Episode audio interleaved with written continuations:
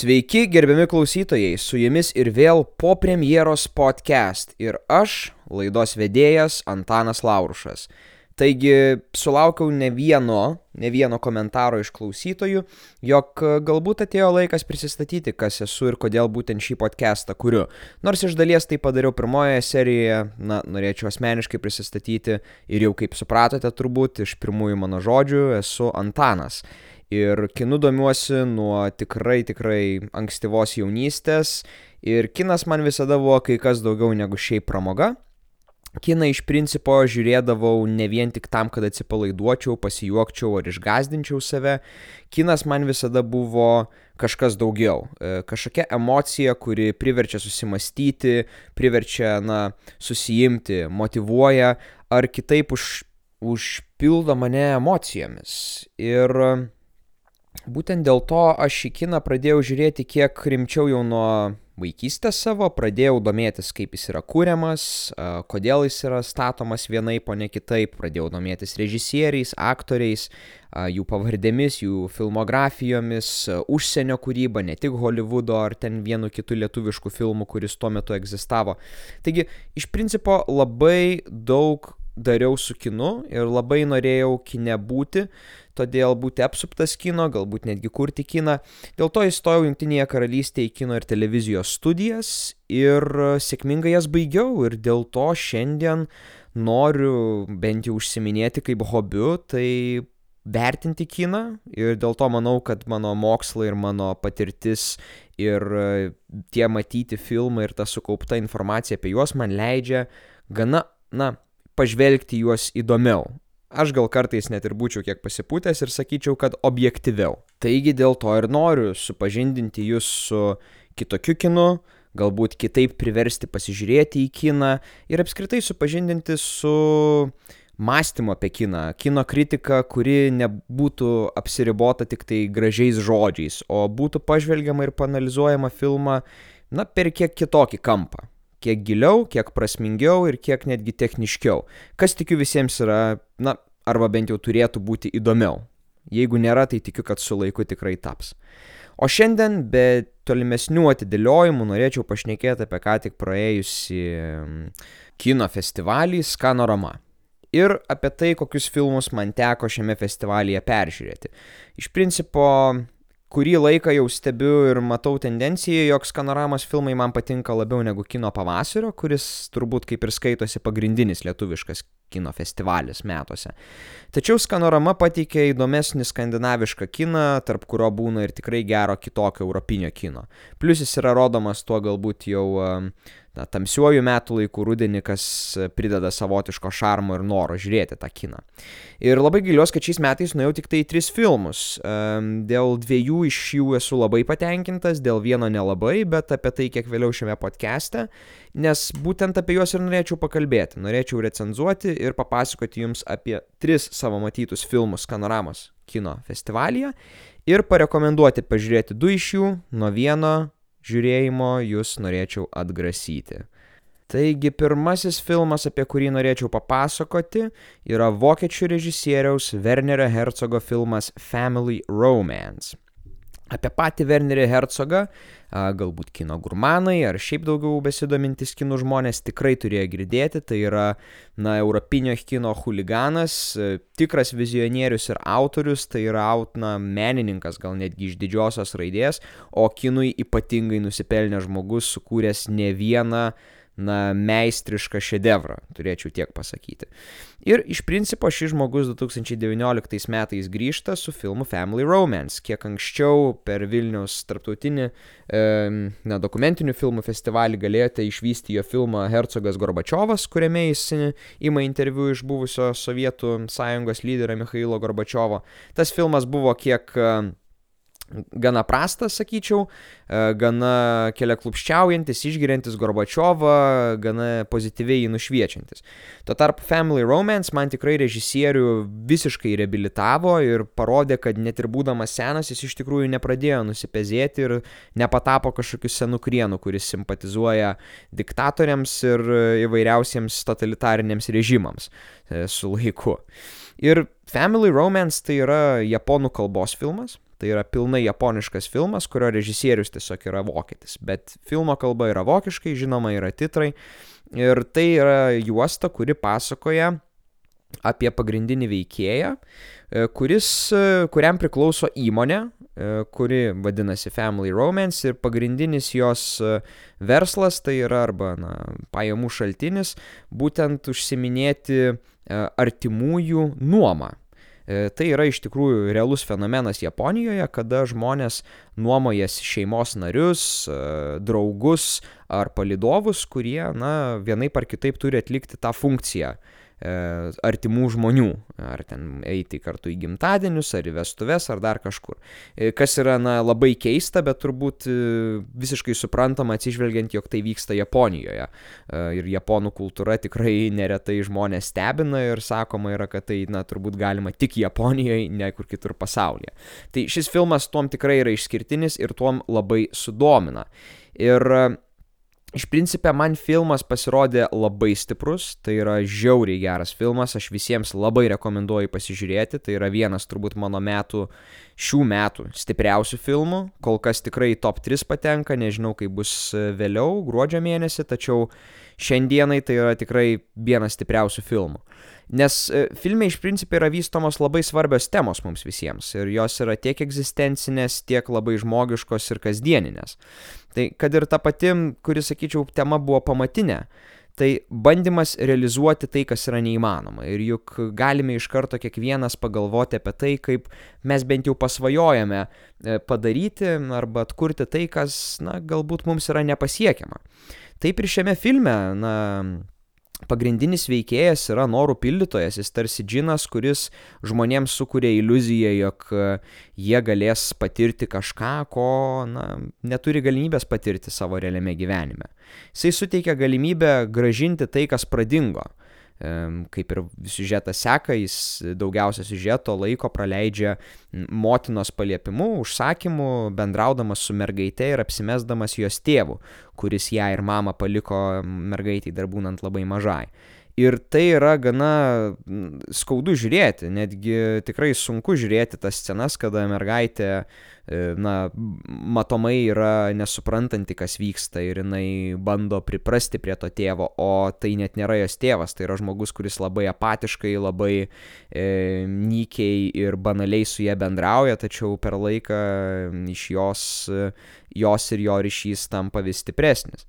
Tai tas bandymas sugražinti tai, kas pradingo, yra vienas iš šių aspektų. Kitas tai būtų E, pakartoti tai, kas yra nepakartojama. Ir žinoma, tai yra susijęs su emocijomis ir manau, kiekvienas suprantam, kad tos pačios emocijos mes du kartus pajusti negalime ir turbūt niekada mums ir nepavyktų.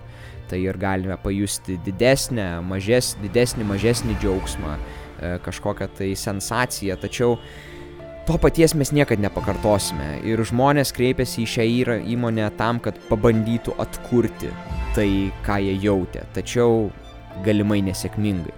Na ir žinoma, trečiasis dalykas tai yra e, iš viso sukurti tai, kas yra neįmanoma, e, tai, kas niekada neegzistavo.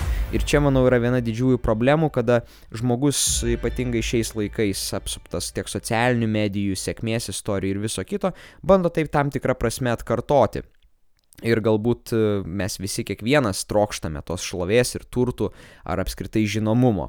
Ir Būtent ši paslauga žmonėms tai bent jau leidžia susidaryti, susikurti tą iliuziją, tą burbulą aplink save, jog kažkas iš tikrųjų yra kitaip, kad jie vat kažkokie gali būti. Tai va, e, tokios, e, to, tokia, tokia pagrindinė, manau, buvo to filmo tema, tačiau be to tai yra tikrai vystomas ir kitos temos, pavyzdžiui, na, žmogiškosios patirties eliminavimo problema.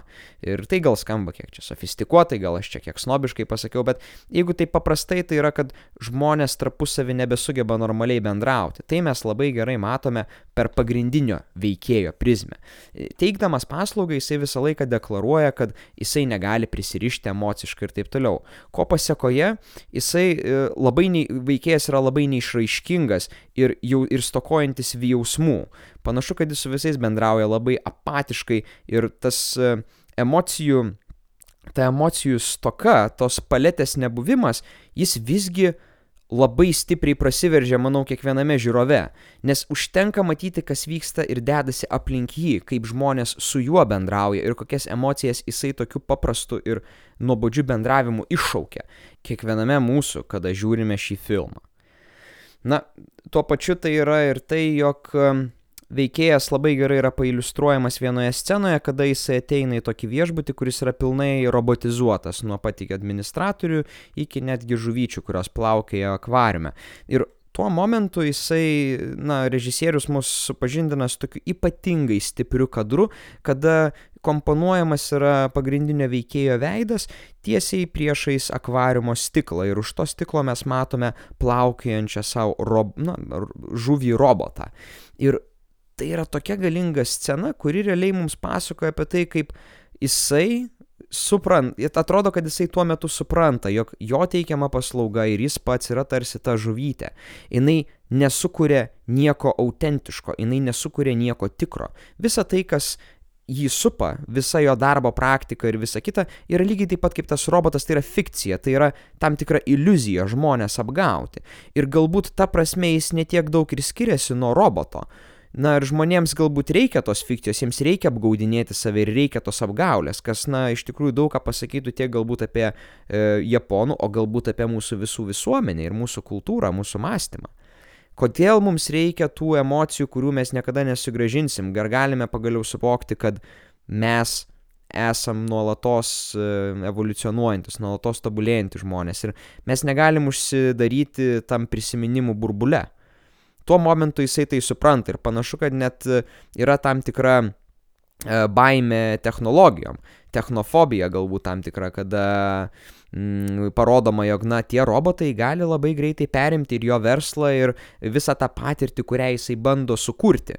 Tai yra ta realybės iliuzijos arba ta iliuzijos, realios iliuzijos kūrimą. Ir tas labai gerai kontrastuoja su kadrais, kurie yra rodomi apie samurajus. Ir pagrindinio veikėjo e, susvetimėjimą atrodo su pačiu savimi. Tas susvetimėjimas yra perteikiamas tuom, kad jisai save vadina chameleonu. Jisai supranta, kad jisai kasdieną apsimetinėja vis kitų veikėjų, vis kitų žmogumi ir niekas tai nėra tikra. Ir jam galų gale dienos pabaigoje net yra sunku įžengti pro savo namų duris pas savo šeimą, nes turbūt jisai supranta, kad nežino, kas yra pats. Ir galbūt ne vienas mūsų taip iš tikrųjų gali ir jaustis šiai dienai, nežinodami, kas mes iš tikrųjų esame. Tas susvetimėjimas tiek su kitais, aplinkiniais, artimaisiais, tiek ir su pačiu savimi. Na, O vokiečio akimis režisieriaus Hercogo mes tarsi ir žiūrime į japonų susvetimėjimą su pačiais savimi, su savo pačių kultūra. Ir kaip ką tik minėjau, buvo tie kadrai su japonais, e, atsiprašau, samurajais, tai buvo e, parke e, vykdoma inscenizacija samurajų dvikovų. Ir pagrindinis veikėjas tarsi prisimena su draugu kalbėdamas ir sako, aš atsimenu tas scenas ir aš sapnavau e, samurajų dvikovas. Ir taip tarsi bandoma yra parodyti, kad, na, japonai anksčiau buvo itin garbingi, itin na, stiprų e, suvokimą ir pagal labai griežtus įstatymus ir pagal griežtą tvarką gyvenę žmonės. Žmonės, kurie buvo ir tebeliko gana rimtai harmonijoje su gamta. Tam tikroje, na, e, tam tikroje būsenoje, kada jie iš tikrųjų jaučiasi labai vieningi su gamta ir jiems ta gamta visada labai buvo svarbi. Ir tas jų kodeksas, tas griežtas gyvenimo būdas e, buvo tos tautos skiriamasis bruožas. Tuo tarpu šiandien mes matome, kaip jie e, teikia paslaugas, kad e, galima išsinuomoti šeimos narį, kas turbūt visiškai nieko bendro neturi su tuo ankstyvuoju jų istorijos periodu, kuris, na, iki šiol tikrai dažnam vakariečiui žadina tokias tikrai labai stipres emocijas ir simpatijas nes tas samurajų yra visas laikotarpis tikrai labai romantizuojamas dažnai ir mėgstamas.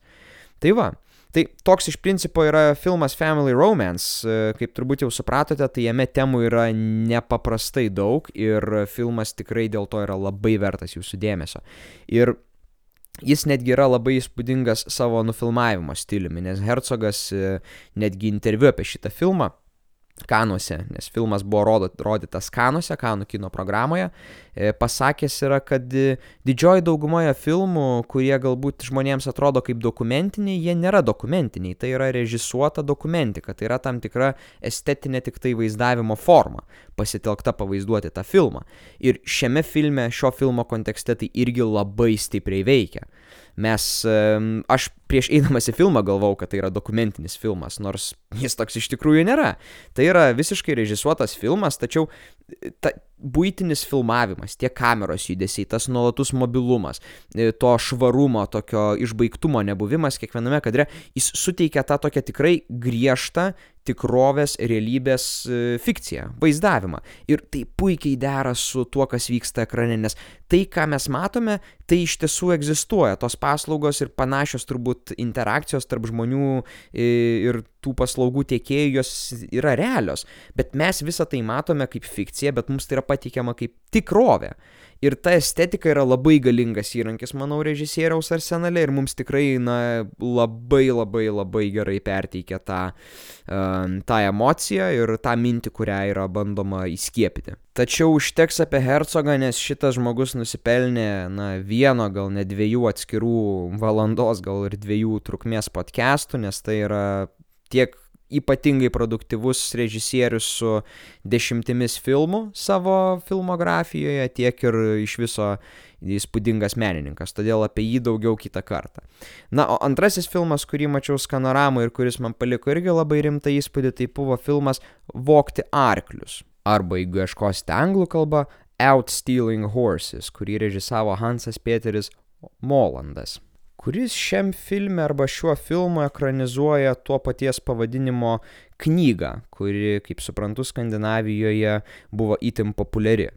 Na, o siužetas yra rutuliojamas aplink seną vyrą, seną vyrą, kuris um, atsiranda kažkur vidury Švedijos ir um, tenais atrodo, kad vienišą gyvenimą yra pasiruošęs gyventi. Greitai sužinome, jog to vyro vardas yra Trondas ir jį vaidina na, žymusis ir visiems puikiai žinomas iš tokių serialų kaip Černobilis ar filmų Mergina su drakono tatuiruotė ir aibės kitų, tai Stellanas Karsgardas. Tikrai superinis A lygio aktorius. Ir šis vyras, kuris vienatvėje yra pasirinkęs e, būtent praleisti kažkokiame Švedijos gamtos užkaboryje, e, prisimena savo vaikystę, prisimena jaunystę, kada netyčiamis sutinka lygiai tokio na, labai panašaus amžiaus e, seną kaimyną kuris atrodo atgaivina jam prisiminimus apie savo paauglystės vasarą, kurią jis praleido su tėvu e, miškuose, arba tiksliau miško trobelėje. Na ir visas filmas iš principo rutuliosi aplink tai, kaip yra prisimenama mm, tėvo ir sunaus santykių drama, e, tas vaiko brendimo periodas ir tai yra miksuojama su kadrais iš tos vadinamos dabarties, kada jau Stelonas Karsgardo e, senolis veikėjas visą tai permasto ir kažkaip bando mm, tai kontempliuoti savo kasdienybėje ir būtyje. Ir būtent taip atrodo, jog režisierius mums E, bando įdėkti vieną iš kelių šio filmo temų. Tai pirmoji, kurią įvardinčiau, būtų būtent tėvo sunaus santykiai. Tai tėvo sunaus santykiai vaizduojami tokiu gana romantizuotu, uh, vyrišku, patriarchišku gyvenimo suvokimu, tas toksai e, idealizavimas, kada tėvas e, su sunumi gyvena tokiamis gana e, laukinėmis, savotiškai gyvuliškomis sąlygomis kažkokie miško trobelėje, prausėsi po lietumi ir, žodžiu, vis keurą dieną kerta medžius, ravi laukus ir vogia arklius arba ant jų jėdinėja kažkokiuose tai kalnuose Švedijos. Ir Visą tai turi labai romantišką prieskonį ir tai yra, na, romantiška ne meilės prasme, bet e, romantizuojami yra tie santykiai, jie yra iš tikrųjų labai gražiai perteikiami ir parodoma ta dinamika tėvo, tėvo sunaus santykių. Kokie iš tikrųjų yra komplikuoti, kaip e, vaikams yra sunku, kada tėvas nusprendžia daryti vieną ar kitą dalyką, kaip būtent to paauglystės laikotarpiu to tėvo labai reikia ir kaip tuo pačiu yra bandoma net ir pykstant ant to tėvo jam įtikti. Ir kaip iš tikrųjų vaikui reikia tėvo, kaip sūnui reikia tėvo būtent tuo laikotarpiu ir kaip jo nereikėtų atimti. Nes iš to puikiai galima pereiti į kitą, kitą dalyką, kurį atrodo bando mums pasakyti režisierius, tai kad e, šiame filme iš Trondo to Stelono Skarsgardo veikėjo atrodo, kad jaunystėje buvo pavoktas gyvenimas. Jo tėvas iš principo jau nuo pat pirmųjų akimirkų filmo labai greitai galima suprasti, kad e, susižavi tokia viena mergina iš, iš tos vietovės, kurioje jie gyvena ir tarsi pradeda su ją romaną, nors ir turi šeimą namuose, mieste. Ir tai sūnui kelia labai didžiulį stresą, nes vėliau įvyksta tam tikras lūžis jo gyvenime ir tas tėvas išeina gyventi su tą moterimi. Ir tas pavoktas gyvenimas atrodo dėl to, kad yra auginamas vaikas kitas. Ir būtent pagrindiniam veikėjui tai atrodo neteisinga. Ir jisai pyksta ir yra kupinas pykčio ir nesusitaikymo su esama situacija. Ir gal netgi tam tikra prasme yra nesubrendęs. Kas priveda prie trečiosios temos, kuri yra labai svarbi šiame filme, tai būtent subrendimo arba brandos tema ir tai yra tapimas vyru per susitaikymą su likimu. Net ir pačioje filmo pradžioje Trondo tėvas, e, ravėdamas dilgelės plikomis rankomis, pasako, e, tu pats nusprendi, kada tau skauda. Ir šiuo filmu atrodo tai yra bandoma parodyti, kad sunus, kuris visą gyvenimą bandė tai slopinti ir tarsi to nejausti, jisai galų gale, na, jam atsiveria tą gal galbūt netgi galima būtų sakyti Pandoros skrinė, ta emocijų visa mm, vaivorykštė ir jisai na, pradeda jausti, pradeda jausti skausmą, pradeda jausti e, savotišką nepykantą tam tėvui už tai, kaip jisai pasielgia, jis prisimena visą tą emociją, tačiau galų galiai jisai nusprendžia, kad jisai per daug tapo panašus į tėvą ir tai nėra geri dalykai ir dėl to galbūt jam reikia pagaliau subręsti ir nebėgti, o susitaikyti su tuo, koks jisai yra. Ir filmas netgi per daug neišduodant irgi užsibaigia tą frazę, kad na, patys pasirenkame, kada mums skauda ir kad mes esame iš tiesų tie, kurie turi nuspręsti, kada mums yra svarbu gyventi ir kada mums yra svarbu susitaikyti su vienokiais ar kitokiais gyvenimo etapais. Tačiau pamatinė idėja turbūt ta, kad visgi reikia susitaikyti ir toliau gyventi. Be kita ko, šis filmas vertas dėmesio yra tikrai ne, dėl, ne tik dėl puikaus siužeto. E, filme yra, filmas pasižymi tiesiog stulbinančią kinematografiją. Tai, žinot, tikrai kadrai yra atidirbti iki smulkiausios detalytės, e, kompozicijos nenobodžios, e, puikiai pragalvotos. Dalinai kartais kadrai atrodo netgi kaip puikios meninės fotografijos arba paveikslai. Spalvinės gamos puikiai perteikia siužetinę atmosferą, e, kada yra niuri, niki, kada yra džiaugsminga, spalvų gamos žaidžiančios yra labai labai stiprus labai stiprus ginklas arsenale tiek režisieriaus, tiek ir dailininko, tiek ir operatoriaus. Na, gamtinės geografijos kadrai tai yra primenantis, žinot, National Geographic ar kažkokią kitą gamtinę dokumentiką. Tai yra tikrai labai puikiai pagauti kadrai tiek laukinių gyvūnų, tiek ir pačios gamtos. Na ir žinoma, nepriekaištingai išbaigti siluetiniai kadrai, kurie, wow, tiesiog meninį efektą sukelia labai labai rimtą. Na ir šiaip Garso takelis yra labai puikus filmo ir net tie styginiai instrumentai, primenantis gal ar banžą, ar gitarėlę, ar balalaiką kokią, e, puikiai pertikė tą, žinot, 20-ojo amžiaus 5-ojo dešimtmečio pokario metų atmosferą, kada mes vis dar esame toj e, kaimiškoj vietovėje ir vis dar atrodo gyvename tais kriterijais. Ir čia puikus tikrai, na, pagiriamasis žodis gali būti skirtas tiek ir scenografams, tiek ir dailininkams, kūrėjams, tiek ir um, kostiumų dizaineriams, kurie puikiai perteikia tą atmosferą filme.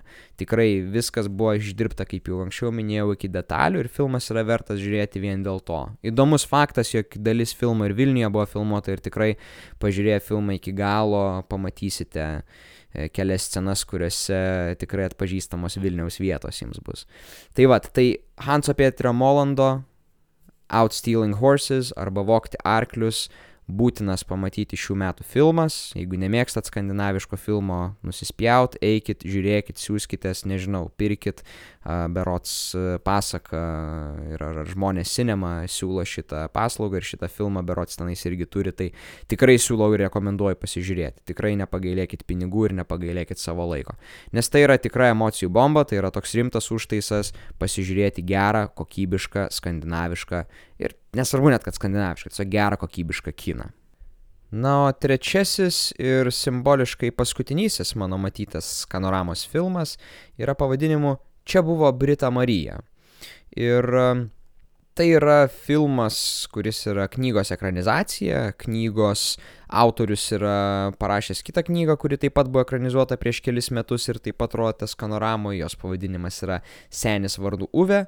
Ir tai yra tikrai nepriekaištinga komiška drama apie gyvenimą ir apie džiaugsmo atradimą ir apie na, gebėjimą padėti kitiems ir pilnatvės atradimą per būtent bendravimą su kitais žmonėmis. Šis filmas yra kiek kitoks, panašu, kad jis naudoja panašus pasakojimo tropus, tai kad ir tai, kad pagrindinis veikėjas yra na, senioras arba vyresnio amžiaus žmogus, gal senioras nėra labai tikslu, šiuo atveju tai yra Brita Marija, jinai taip visą laiką save ir pristato dviejais vardais - Brit Marija, Brit Marija, Brita Marija, 63 e, metų moteris, kuri jau 40 metų gyvena santokoje, kuri panašu, kad yra gana nuobodi ir monotoniška, tačiau jai patinkanti, nes jinai yra moteris, kuri mėgsta tvarką, jinai yra moteris, kuriai e, reikia stabilumo ir jinai nieko daugiau nedarė visą savo gyvenimą, kaip tik tai rūpinosi savo vyru, kuris, kaip e, sakyčiau, surprise, surprise, ją išduoda. Ir po tos išdavystės ji nusprendžia apsukti savo gyvenimą 180 laipsnių ir išvyksta į kažkokį tai a, Švedijoje dievo užmirštą miestelį ir ten įsidarbina vaikų futbolo trenerę. Siužetas atrodo gana galbūt netgi ir linksmas, arba bent jau nuotaikingas, anonsas lygiai taip pat taip pristato filmą, tačiau filmas mane labai nuvylė, jis mane labai nuvylė savo pateikimu, jis mane labai nuvylė e, išpildymu, tai buvo gana nuobodžiai parodytas filmas, filmą viso juoko ar komedijos ten buvo labai mažai, visa tai, ką, kas buvo tarsi juokinga, tai buvo per mažai jokinga, tai nebuvo išvystyta, tai gal vienoje ar kitoje vietoje tik tai gali šyptelti ar kažkaip prunkštelti, bet uh, iš principo visur gana keistas humoras naudojamas, gal čia mano skonis, gal čia mano standartai, bet tikrai nebuvo labai kokybiška mano manimu. E, tuo tarpu buvo ir gana rimtos e, gyvenimiškos temos gvildenamos, tai žmogaus prasmės tema ir kad ir gyvenimas dėl kitų, kuris Britos Marijos gyvenime na, ir jos egzistavime užėmė labai didelę dalį. Jis po vaikystės, vaikystėje patirtos traumos kimbas į pirmą pasitaikiusią tvirtą uolą, kuri, na taip jau gaunas, kad yra jos vyras ilgametis ir jinai tiesiog užsima jo aptarnavimu visą likusį gyvenimą, jo rūpybą ir kažkokio bendro namų ūkio rūpinimuose. Ir tai veikėjas yra gana silpnas, jinai na, per tą pateikimą su vyru jau yra nuobodi ir gal net tam tikrų atveju vyrą galima pateisinti, kodėl jisai ją išduoda. Nuo vaikystės jinai net prisimindama savo sesę sako, kad e, jos sesė svajodavo už jas abi, o jai tik tai belikdavo tarsi na, tose spinduliuose tų svajonių e, pasimaudyti, nes sesė sakydavo, žinai, aš už mus abi svajoju ir tu, tu irgi būsi, tau irgi yra planas, tu irgi turėsi savo vietą. Ir tas Britos Marijos veikėjas, nežinau kaip knygoje, bet filme yra, sakau, labai vienmatis, labai neįdomus, nikus, net ir nuvykusi treniruoti vaikų, jinai treniruoja futbolą, e, kurią, kurį be galo mėgo jos vyras, o jinai visiškai niekada nesuprato. Iš viso atrodo, kad jinai nelabai kažką supranta gyvenime, be to, kad reikia tvarkingai gyventi. Tai yra e, tą ir tą valandą keltis, tą ir tą padaryti, taip ir taip paklot lovą. Ir veikėjas yra neįdomus nei ką, pastoviai laukiantis kažkokio įvertinimo ar kažkokių pagirų iš kitų, visiškai nepilnavertis ir neturintis kažkokios savo vizijos ar kažkokio matymo, e, kaip jisai turėtų gyventi, kur link jis turėtų judėti. Ir tada net ir ta problema, kuri atrodo iškyla, kad na, žmogus pabėga, žmogus bėga nuo tos neteisybės, kuri jam įvyko ir jisai atrodo nori apversti savo gyvenimą aukštinkam, jis visiškai to nepadaro. Jisai grįžta atgal prie to futbolo, kurio jo vyras nemėgo, jinai ir toliau daro dalykus, kurie yra visiškai svetimi, visiškai, na, nesuprantami jinai tarsi iš naujo bando atrasti meilę, bet tai vėl yra kažkoks chaotiškas ir ne visai išbaigtas e, procesas, kuris na, galbūt vėliau vienaip ar kitaip materializuojasi, bet ir tai labai keistai. Jinai nesugeba atrasti savęs, perlipti per save, lieka uždara ir kažkokių uždara simbolių primenančių skausmą apsuptyje. Jinai yra neįdomi veikėja. Šalia to mes turime vaikus, kuriuos jinai treniruoja, tai vaikai yra visiški nevykėliai, jie ten žaidžia futbolą labai prastai, nors dėl jo yra be, be galo pamišę, bet patys vėlgi kontrastuoja labai tai, ką jie deklaruoja ir tai, kaip jie vaizduojami, nors jie ir sako, kad jiems futbolas yra visas jų gyvenimas, jie atrodo, kad, na, net nepasibodi pabėgioti ir patys asmeniškai tuo neužsima ir jiems visą laiką reikia trenerio. Na, galbūt su vaikais visą laiką tas yra, bet jeigu tu jau taip stipriai deklaruoji, kad futbolas yra tavo gyvenimo įstra, gal tu tada pats daugiau įdėk darbo, o nepasikliauk kažkokia 63 metų e, moterimi, kurie apie futbolą nieko nenuraukia ir tada nori laimėti kartu su jie kažkokį ten tarp mokyklinių futbolų futbolo e, čempionatą. Tai tas ir parodoma, kad galbūt vienintelis geras dalykas e, per šitų vaikų ir jų treniravimą kas yra parodomas ir kas suteikia vilties mums visiems, tai yra toks savotiškas moralas, kad, na, niekas nepasidaro labai greitai, kad, na, Roma nebuvo pastatyta per dieną ir panašiai, tai viskas reikalauja darbo ir viskas reikalauja tokio žingsnelis po žingsnelio proceso, kuris, kai būna išbaigtas, tada jau galime matyti konkretų rezultatą. Ir tai yra gera mintis, tai yra protinga mintis, bet manau, jinai yra puikiai suprantama visų ir kad niekas, žinot, per dieną nepasidaro. Ir šitame filme jinai atrodė gana keistai, kaip ir sakau, visas likęs filmas. Veikėjai buvo kažkokie vienmačiai, keisti, skubiai priimantis sprendimus ir aš nežinau, ar tai buvo trumpa filmo trukmė ar kažkoks nevykęs e, knygos ekranizavimas, bet šio filmo aš jums tikrai patariu labai vengti, net jeigu ir pažiūrėsite anonsą ir galvosite, kad tai geras filmas, arba matėte e, vyras senis vardu Uve ir jums jisai labai patiko, tai iš karto pasakysiu, šitas filmas greičiausiai jums visiškai nepatiks ir aš labai rekomenduoju jo nežiūrėti, nes tai bus tikrai pusantros valandos laiko išvaistimo. Su tuo, kokį potencialą turi skandinavai kurti gerą, jokingą kiną, čia niekropelytės to tikrai nesijaučia. Tai tiek, tai tiek apie skanoramą iš tikrųjų šiais metais, trys tik tai filmai, labai apmaudu, na, daryti turbūt ir kitais metais apie daugiau filmų, arba reiktų kalbėti trumpiau, arba reiktų vėlgi limituoti filmų skaičių, nes yra pasakyti, pakalbėti tikrai yra daug apie ką, bet uh, galbūt ne visada yra laiko tą išklausyti. Ir Norėčiau visiems šią progą ir padėkoti, kad pasiklausėte manęs ir vėl. Nepamirškite prenumeruoti Spotify'uje, nepamirškite prenumeruoti Apple Podcasts, YouTube. YouTube tikrai yra augantis subscriberių skaičius, tad prisidėkite prie mūsų. Galite mane sekti Facebook grupėje po premjeros.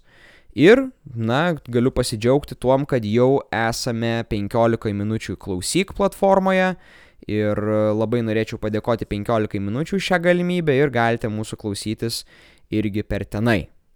Taigi su jumis buvo Antanas Laurušas po premjeros podcast ir susitiksime po premjeros.